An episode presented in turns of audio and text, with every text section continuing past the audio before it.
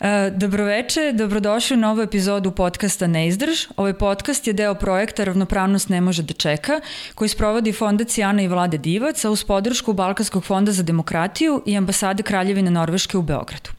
Uh, najnovije istraživanja su pokazala da uh, HPV vakcina može da smanji rizik od raka grlića materice u čak 90% i da je to ujedno i najčešći oblik raka koji se javlja kod žena. Iako je ova vakcina dostupna u svetu od 2006. godine, prvi put ove godine, znači 2022. godine, ona je dostupna u Srbiji i besplatna je za dečake i devojčice. A do sada, iako je bilo preporučeno, uglavnom su morali da je plaćaju. Kako je izgledala borba za uvođenje imunizacije HPV vakcinom i zašto je važno govoriti o reproduktivnom zdravlju, danas ću razgovarati sa mojom gošćom Marijom Ratković. Marija je književnica, teoretičarka, aktivistkinja, zagovornica za zdravlje devojaka i žena i žena koja se dugo već bori za uvođenje besplatne HPV vakcine u Srbiji. Marija, dobrodošla. Hvala, hvala što ste me pozvali. Marija, ko je bio tvoj neizdrž? Zašto si počela se baviš ovom temom? Kad se setim, pomalo me nekako prođe jeza, Zato što kad sam čitala najnovije istraživanja o tome, ti dokazi koje je Australija publikovala o iskorjenjivanju raka grlića materice i uspešnosti imunizacije koju su oni u tom trenutku sprovodili već 10 godina, ja sam shvatila da se u isto vreme dok sam se ja lečila od raka odvijao pilot program imunizacije u Srbiji i da je jako veliki broj vakcina tada ostao neiskorišćen, nisu ljudi znali da to uopšte postoje, nisam znala ni ja. I nekako mi je bilo strašno da dok se s jedne strane žene leče, sa druge strane preventiva propada zato što niko je ne zna i najvažnije od svega toga mi je bila ta ideja ljudi, postoji vakcina protiv raka, a vi ne znate, mi ne znamo, hajde sad da svi saznamo da to postoji. I u tom trenutku kad sam ja počela da istražujem nekako kroz film koji sam snimala za vas i tako dalje, gde smo mi zakazali u, u, u preventivi, kako se to desilo, kako se desilo da ja nisam toliko dugo godina otišla na redovni pregled, šta se to dešava, da li žene odlaze, da li ne odlaze, zbog čega, šta ih to odbija i, i nekako da li je ispravno stalno upirati prstom u žene i govoriti idi pregledaj se ako ti je stalo, tebi nije stalo do života svog, do života tvoje dece i tako dalje I onda nekako sam upoznala naš zdravstveni sistem i kao pacijentkinja sa druge strane, s druge strane kao, kao teoretičarka biopolitike i, i, i nekako mislila sam da imam dovoljno znanja, da to znanje praktično i teorijsko povežem u jednu celinu i da pokušam negde, posebno znanjem iz komunikacije, mm -hmm. da iskomuniciram tu ideju da postoji dostupna zaštita od raka u stvari da treba nam da bude dostupna, jer de facto ona je bila do, dostupna samo onima koji imaju da plate. A ja sam smatrala da za tako veliki problem za koji postoji nacionalna strategija borbe protiv raka, moramo nekako da, da se borimo angažovanije i da se što pre to reši, zato što u tom trenutku e, u Srbiji preko hiljadu žena ostane bez materice od posledica HPV uzrakovanih oboljenja, preko hiljadu žena sazna da ima rak i to je jako puno. I to se, to jako utiče na, na sliku naše populacije u Srbiji, I ne možemo samo da govorimo, hej ti treba da uradiš to i to, nego ja sam htela da krenemo obrnuto, da vidimo šta smo mi uradili da pomognemo ženama i da pomognemo deci da se zaštiti, da li smo iscrpeli sve mogućnosti? I zbog toga je meni bilo značajno i da se informišu ljudi i tako dalje. Nije peticija kao peticija koju smo pokrenuli hoćemo dostupnu zaštitu od raka za sve, nije, nije ona bila samo to da mi vršimo pritisak, jer mi smo već imali dr, državni program ko, koji kaže da je, da je to e, preporučeno, nesporno tu nije bilo nikakvih posebnih prepreka, znao se da će u nekom trenutku da, to da se, ovaj, da se desi, ali meni je bilo značajno da kroz tih 8000 ili više koliko, koliko ljudi potpisalo, da oni pročitaju zapravo o čemu se tu radi i da već tu saznaju kako se mogu da se zaštite, zaštite one do kojih im je stalo, ne samo ne samo kroz imunizaciju, nego i siguran seks i redovne preglede i tako dalje. Postoje te, da tako kažem, tri vrste prevencije i one su sve jednako važne. A kaži mi, pored te e, peticije koju sada spomenula, kako je još e, izgledao taj zagovarački proces? Šta ste sve morali da prođete da bi eto danas imali vakcinu? Pa ovako, mi smo radili zagovarački proces na vrlo nekako um, inovativan način, zbog mm -hmm. toga što su naše iskustva zapravo, mi smo pratili kako je to rađeno u Australiji. Mm -hmm. e, zapravo to je prema savetima tih žena koje su iskoristile, iskoristile e, koje su, uh, koje su putem državnog programa iskorenile rak u Australiji i one su rekle da je najznačajnije uh, informisanje pre svega lekara, da budemo sigurni da lekari kod kojih se odlazi znaju za najnovije vidove prevencije, između ostalog za imunizaciju, da, da su informisani zato što prosto nauka napreduje i mi ne možemo očekivati od svakog lekara u svakom udeljenom delu zemlje da zna, ali možemo da uradimo uh, akreditovani program uh, da zapravo uh, da edukujemo one ko, u čim rukama je e, zdravlje. Mi smo to radili u saradnji sa Medicinskim fakultetom Univerziteta u Beogradu sa katedrom za mikrobiologiju i taj program je bio namenjen ginekolozima, ginekološkinjama, e, službama za pedijatriju i mikrobiologiju, takođe i ovaj, tehničarima i laborantima, svima koji su negde uključeni u taj krug, a da njihova praksa može biti u vezi sa uh, pitanjem HPV -hmm. uzrokovanih oboljenja da, bez obzira da li je govorimo o diagnostifikovanju HPV-a ili ovaj, samoj, samoj imunizaciji. Zatim, sa druge strane, ono što je bilo važno, informisali smo putem tih širokih kampanja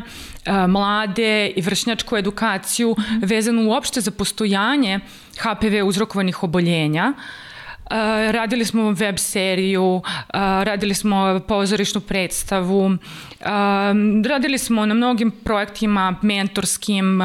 vezanim za pitanja koje mladi imaju za seksualno i reproduktivno zdravlje, traženja odgovora, što se takođe dovelo do, te, do, do jednog jako važnog stuba zagovaranja, a to je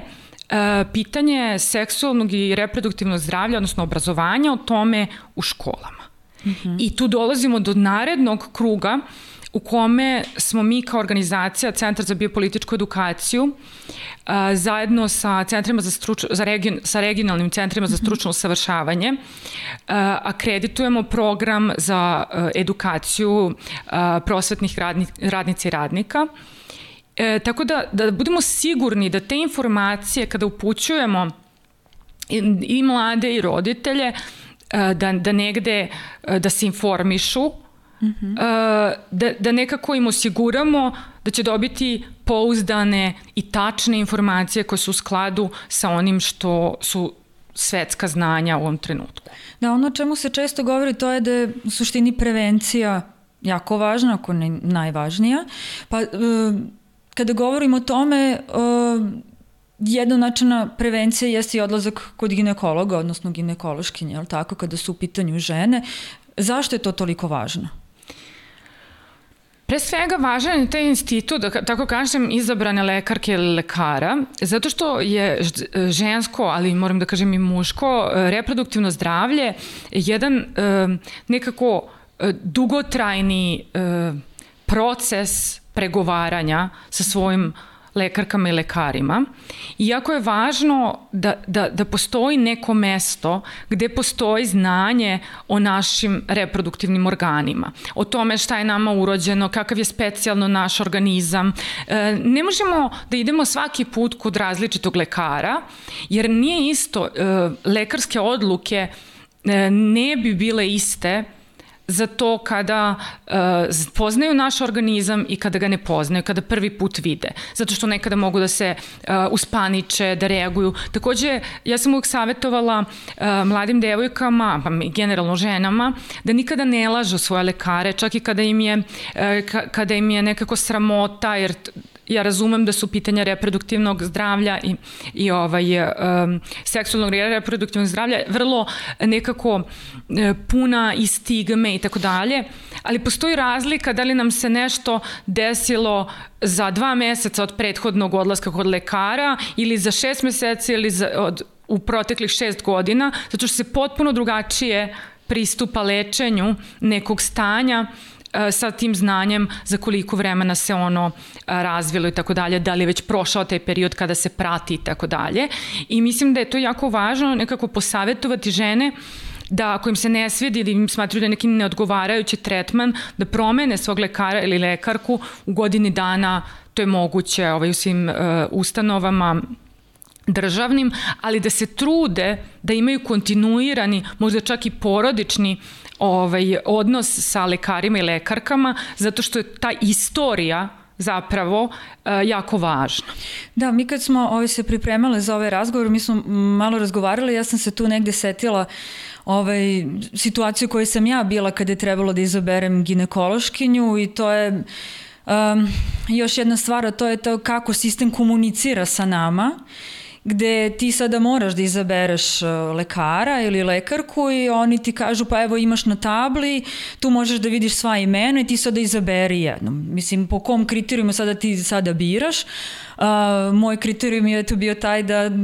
lekarka ima dva prezimena, ne znam, to mi je nekako bilo važno, sad, jer ja nisam zaista imala po čemu da sad tačno biram. Imala sam sreće da je odlična ova lekarka i da je prvi put stvarno obratio neku pažnju eto, i da stvarno sasluša ono što imam da kažem u nekoj 27. 8. godini. Tako da je tu dolazimo do tog, to kao što sam rekla, znači ta neka komunikacija između nas i sistema, toga da taj lekar nas stvarno treba da prati sve vreme, da zna kako je naše telo i koliko je u stvari poverenje žena u sistem. Jer kao što smo pričale, stalno se govori o tome da žene ne idu kod lekara ili da ne idu na te redovne pregrede, da li je to uopšte tačno i u koliko nekoj meri jeste, šta misliš koji su razlozi za to?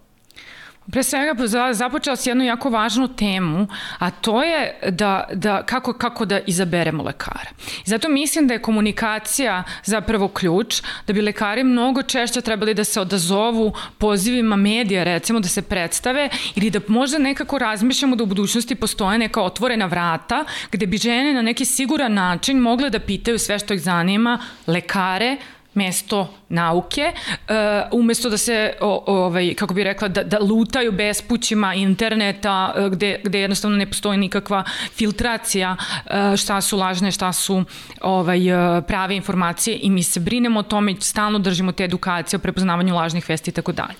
A sa druge strane, uh, da, mi smo radili sa, e, u saradnji sa laboratorijom za eksperimentalnu psihologiju na univerzitetu uh, filozofskom, odnosno katedri za psihologiju. Radili smo istraživanje o poverenju žene u zdravstveni sistem. Ispostavilo se jednostavno da žene veruju lekarima, možda imaju, možda je opalo u poslednjih,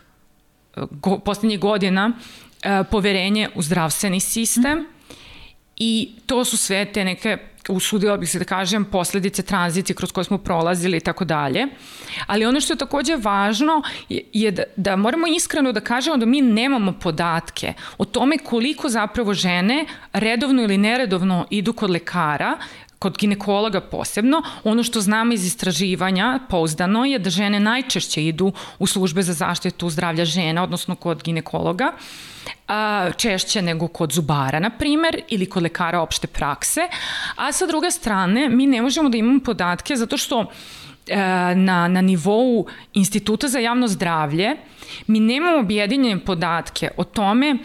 koliko žena ide u privatnu praksu na redovne ginekološke preglede koji su nešto vrlo slično skriningu koji je obavezan. I tek kada se skrining bude uhodao i bude sprovođen svuda i e, u državnim i u privatnim zdravstvenim ustanovama, mi ćemo od tih podataka znati tačno koliko se žena odazvalo tom obaveznom tako da kažem, screeningu, koji nije ništa drugo nego da jedan uh, sistematski pregled kod ovaj, ginekološkinja koji uključuje i ultrazvuk i uh, kolposkopiju i pap test i, uh, i verovatno će biti uključen i pregled grudi ultrazvučno, odnosno mamografski. Tako da to su važne činjenice o kojima mi sad možemo da spekulišemo. Ono što ja znam jeste da su uh, mnoge uh, državne ustanove prebukirane, takođe možda bi moglo da se kaže da one žene koje idu redovno idu stvarno redovno, da one koje ne idu nekako, nekad nemaju, kako da kažem, o, imaju otežan pristup zdra, zdravstvenim da pomenem, u suštini možemo da govorimo o ženama Uh, sa rurala i koliko je njima dostupna, dostupna ta usluga, da li uopšte imaju prevoz do tog nekog većeg mesta uh, i, mislim i razne druge stvari koje mogu da budu prepreka da Postoje mnoge prepreke, postoje mnoge prepreke. Uh, evo sada kad, kako je sada u našem zdravstvenom sistemu, ako izuzmemo screening koji je jedan objedinjeni pregled, svak, svaki od ovih posebnih pregleda mm -hmm. jeste posebna šifra za tu jednu posetu lekaru, e, žena treba da izdvoji uh, jedan slobodan dan ili nekoliko sati prosto, što mnoge žene nisu u mogućnosti zbog uh, toga koliko rade uh, na poslu i kod kuće. Uh, sad nedavno izašlo istraživanje o tome da žene kod kuće, uh, taj, taj uh, ono famozno uh, priča o neplaćenom radu, da re, mm -hmm. žene neplaćeno ku, kod kuće u radu brige i nege potroše između 2 i 6 i po sati, tako da žene koje do te mere opterećena radom, koji je možda nevidljiv i neprepoznat, uh, zaista nema vremena da se po, posveti sebi ili sebe ne vrednuje, kao što je ne vrednuje ni društvo, njeno zdravlje, njeno pravo na, na zdravlje. A s druge strane, ono što jeste važno, to su ponovo podaci sa terena, uh -huh. uh, iskustva recimo Doma zdravlja u Šapcu, uh, kažu da kada su uh, organizovali uh, preglede u ruralnim oblastima, oblastima, odnosno kažem u selima u kojima još uvek postoje e, ambulante gde se uz malo adaptacije e, donese ginekološki stoj, uzimaju se e, ovaj, kako bi rekla nalazi. Mm -hmm. Uh, iskustvo je bilo da je jako važno samo da to bude slobodan dan, mm -hmm. uh, što se u narodu kaže crveno slovo i da žene više nego cene te napore domova zdravlja da im izađu u susret i da im pomognu da održavaju preventivne preglede. I negde to i jeste super poruka da mi prosto moramo da pronađemo kroz različite, da li su to tog tipa akcije organizovane od, iz domova zdravlja ili mi kao civilni sektor treba da se organizujemo pa da radimo neke outreach programe uh, dosezanja zapravo Tako. onih koje su uh, pod većim rizikom usled uh, o, o nemogućnosti pristupa zdravstvenog sistemu jer to je uvek je to ovaj povećan rizik. E, mi smo pričali dosta o tome, mislim malo pre si pomenula to kako ovaj društvo vrednuje ženu i da mislim mi svi plaćamo taj zdravstveni sistem, imamo pravo znači na, na pregled i koliko god da je taj zdravstveni sistem prebukiran ipak apelujemo na žene da idu na preventivne preglede, a e, sa druge strane ta prevencija je da kažemo mnogo ekonomski isplativija za državu nego kada dođe do bolesti. Kako ti to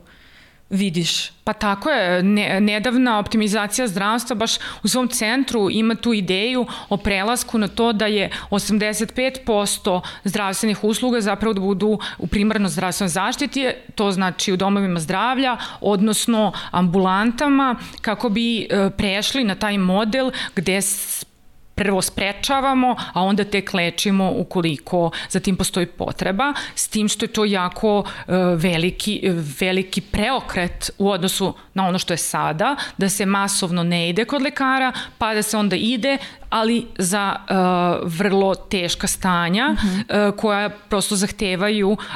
najviši stupanj uh, zdra, uh,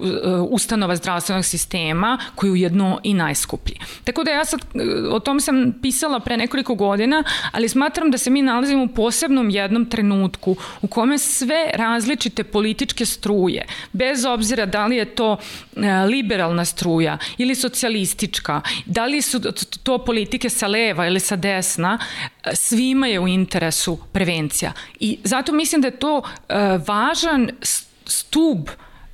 zagovaranja. Mi svi želimo da budemo zdravi i želimo da održavamo svoje zdravlje, a ne da lečimo bolest. I to je i jeftinije i bolje, i značajnije, i štiti život, i štiti uh, reproduktivne organe i muškaraca i žena i može da obezbedi uh, kasnije nekako srećan život, uh, srećano potomstvo i tako dalje. Jer uh, nije kod, ne ide se kod lekara samo na lečenje. Tu se ide i na savete tako. o kontracepciji, tu se uči o praćenju hroničnih bolesti. Uh, mi, nažalost, u ovom trenutku imamo najveći, stu, najveći stupanj smrtnosti majke na porođaju od svih zemalja bivše Jugoslavije. I to je zaista ozbiljan problem, e, bez obzira što ti brojevi nisu astronomsko veliki, mi moramo da mislimo o tome kako to da sprečimo i kako žene da što pre upoznamo sa tim o čemu sve moraju da razmišljaju, da sutra kada ostanu u drugom stanju, u željenim trudnoćama, da mogu da, da misle o sebi, da poznaju svoje telo, da znaju koje su to ovaj, e, bolesti ili stanja od kojih moraju da se e, štite ili posebno obrate pažnju. Kada govorimo o toj edukaciji, ti si dosta radila sa mladima i volila bih da malo sada popričamo o toj važnosti te edukacije i da nam malo više ispričaš kako je izgledao tvoj rad sa mladima, posebno je zanimljiva eto i ta predstava koju ste radili, pa bi, baš bi bilo interesantno da malo čujemo kako to eto izgleda u praksi. U praksi izgleda fenomenalno, zato što uh, sve što sam radila sa mladima, hajde da kažemo, uh, počevši od toga što sam radila u Šapcu, uh, jeste povezano sa tom metodologijom reflektor teatra, jednog dugogodišnje prakse rada sa mladima, koja podrazumeva između ostalog uh, prvo jedan intenzivni rad kroz radionice, mhm. upoznavanje sa temom, čitanje literature, postavljanje pitanja sa tim dogovorom da ne postoje ovi glupa pitanja. I zatim ta izrada teksta koja potiče direktno od mladih, koja potiče direktno od, od, od njihovih dilema i onoga što je, što je njima bitno. Uh, uz učešće takođe, opet moram da kažem, pozorišnih mladih stručnjaka i stručnjakinja koji, su, koji, koji sami pregovaraju o tome kako bi,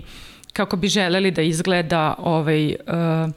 taj format. E, mislim, ja sam, moram da kažem da, da bez obzira na to što sam ja u toj priči edukatorka, ja sam zaista jako puno naučila od mladih. I mislim da se tim radom sa mladima ostaje mlad, zato što nekako oni su uvek kontrolni faktor toga da li mi nešto radimo dobro ili je to što radimo potpuno e, zastarelo, e, nekomunikativno i e, možda čak i dosadno ili s druge strane zastrašujuće i tako dalje. I mi smo pokušali da, da te, sve te priče um, da se mlade zapravo obla, obraćaju mladima, a ne ja sad kao neka ovaj, zla tetka da dolazim da im ovaj, govorim te ovo, te ono. Uh,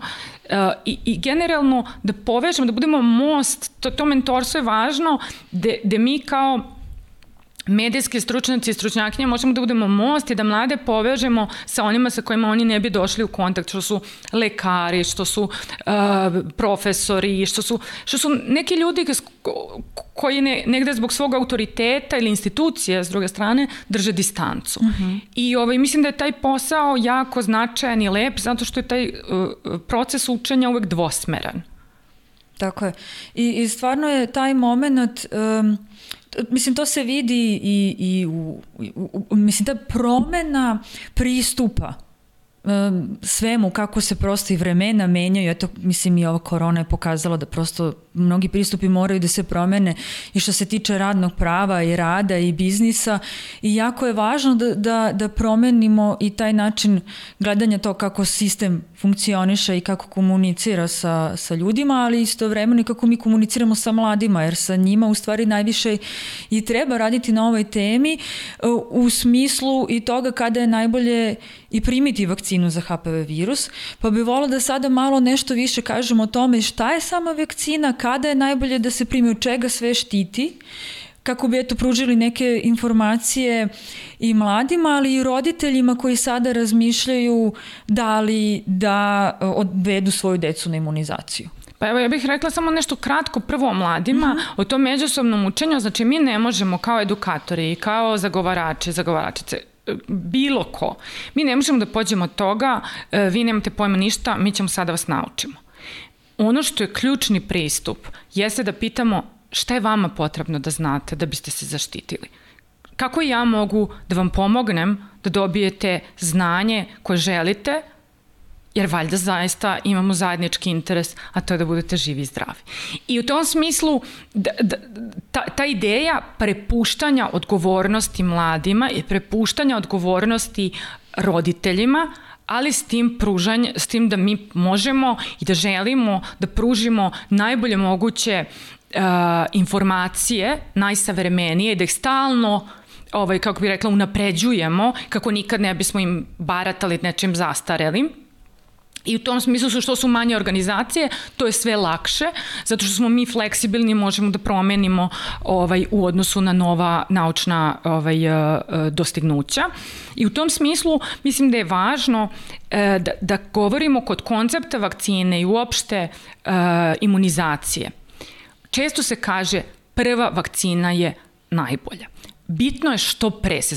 zaštititi. Kod HPV uzrokovanih oboljenja taj period je od 9. do 13. godine. Sa stanovišta države koja to plaća, takođe je to najbolji period zato što do 13. godine primaju se samo dve doze, posle 13 tri doze zato što je tako prosto radi imunni sistem i najbolji su rezultati a, kroz praksu pokazani. A, s druge strane, bitno je zaštititi i dečake i devojčice. Kada govorimo o raku grlića materice, dečake vidimo kao prenosioce, dečake, odnosno muškarci i tako dalje, ali kako govorimo o tome da postoji a, više od 5-6 vrsta HPV uzrokovanih karcinoma samo i nebrojano HPV uzrokovanih oboljenja, ipak moramo da kažemo da su i dečaci pogođeni direktno, njihovo zdravlje je ugroženo, to što uh, trenutno su naj, tri najčešća karcinoma u Srbiji rak dojke, rak grlića matrice, rak debelog creva, ne znači da ne treba da se štitimo i od raka grla glasnih žica ili uh, cijelog anogenitalnog trakta i tako dalje. To znači sve postoji, protiv toga postoji zaštita i ja bih zato svima pripručila da tu zaštitu iskoriste u tom periodu kada je najbolje, s tim što, naravno, tu su mnoga pitanja da li smo zakasnili, ne, nikad nije kasno. Uvek je najbolji trenutak onaj koji je bio u prošlosti, sledeći najbolji trenutak je sad. Tako da, u tom smislu e, pozvala bih sve, znači ono što je važno takođe reći je da su svi programi širom sveta besplatni najčešće od tih prvih godina do 26. godine, zato što se to odnosi na one čije, na mlade, na decu i mlade, čije platežna moć neuporedivo lošija od ostatka radnog stanovništva, ali takođe radno stanovništvo može da se zaštiti, samo prosto nikada neće biti obuhvaćeni a, državnim programima, a, Tako, je, tako su prakse i sveta pokazale. A gde se može da se uradi test na vakcinu? Da li to može u bilo kom domu, na vakcinu, izvinja se, gde može se uradi test na virus, da li to može u svakom domu zdravlja, ili nešto specijalno sad tu potrebno. Eto, tako mi komuniciramo da svako ko može da se zarazi, isto tako može da se zaštiti vakcinom. Naravno, to je e, zaštita vakcinom, odnosno imunizacija, primarna prevencija, kao i siguran seks, korišćenje kondoma koja ko, koja nam omogućava da do bolesti nikada ni ne dođe. Mm. Sekundarna prevencija je screening, odnosno redovni pregledi koji koji nam omogućavaju da se bolest pronađe uh, u najranijoj fazi, da se otkrije kada, kada nije životno ugrožavajuća i tercijarna prevencija odnosi se na lečenje uh, različitih oblika predkanceroznih kanceroznih promena. Uh, testovi mogu da se rade u, na klinici za mikrobiologiju i privatnim e, ovaj, ambulantama. E, to je jedan jednostavan test. E, ono što je važno, a čemu se ne govori dovoljno, da je to test koji je uključen u uh, obavezno zdravstveno osiguranje, dakle svi koji su osiguranici, dakle svi građani ove zemlje, bez obzira na to da li su zaposleni ili nisu, ili po, po kom god osnovu da su osigurani, imaju pravo radi se uglavnom u zavodima za zavodima za zaštitu zdravlja, odnosno klinici za mikrobiologiju. Taj test može da pokaže i virusno opterećenje, odnosno da li je infekcija u toku. Za sada ne postoje, nažalost, načini lečenja HPV-a, um, uglavnom se organizam izbori za godinu i dve sam. Uh -huh. Uh, ono što jeste bitno je da, da znamo da organizam neće stvoriti prirodno antitela kao kod nekih drugih uh, oblika bolesti, recimo varičela i tako dalje, uh, nego je moguće i rezaražavanje, dakle, posle nekoliko godina da se zarazimo istim tipom i tako dalje. Ovaj, I zbog toga mislim da je važno uh, imati antitela prosto koje dobijamo od vakcine. Ono što je takođe važno reći za vakcinu jeste da ona ne sadrži živi virus i da ni na koji način ne može doprineti da neko virus dobije. Uh -huh. uh, i u tom smislu smatra se jednom od najbezbednijih vakcina na svetu. E, takođe sve vakcine koje postoje nastale su od istog patenta, tako da ne, ne postoji neka velika razlika da bismo favorizovali jednu, drugu ili treću. E, koja god bude dostupna, preporučujem da, da, ovaj, da, da roditelji pre svega iskoriste tu priliku i da zaštite svoju decu. Oni stari doktori e, kažu ne morate vakcinisati svu decu, nego samo onu koju volite. E, mislim da je to preoštra, preoštra kategorizacija, ali negde mislim da je važno da se volimo i da brinemo jedni od drugima i da postičemo e, sve vrste prevencije, da tu zaista ne razdvajamo E, zato što, kažemo opet, e, nekako misija naše organizacije, Centra za biopolitičku edukaciju, jeste da upućujemo ljude na zdravstveni sistem, da osiguramo da je ono što dobijaju u zdravstvenom sistemu pravovremena i tačna informacija, da upućujemo na na postavljanje pitanja lekarima, da postavljanje pitanja profesorima, nastavnicima i tako dalje, da se da, da nekako mi ne želimo da budemo neka parasistemska organizacija koja radi taj posao, mi smo tu da pomognemo da, da bolje funkcioniše ta komunikacija, edukacija i negde nastavit ćemo o tome da pričamo zato što je bez obzira na sadašnje postojanje tog sistema imunizacije najavljeno u stvari, mislim da je najvažnije da ljudi budu edukovani i da znaju na šta zapravo sve imaju pravo pre svega u, u ovaj, unutar obaveznog zdravstvenog osiguranja, a i svih drugih tipova osiguranja, da negde ohrabrimo i privatne osiguravajuće kuće da uvrste te vrste prevencije i da nekako jer svi od toga imamo interes, naše zdravlje, interes doslovno svih i kad ono kažu u narodu zdravlje najbitnije, zaista bih se složila sa tim.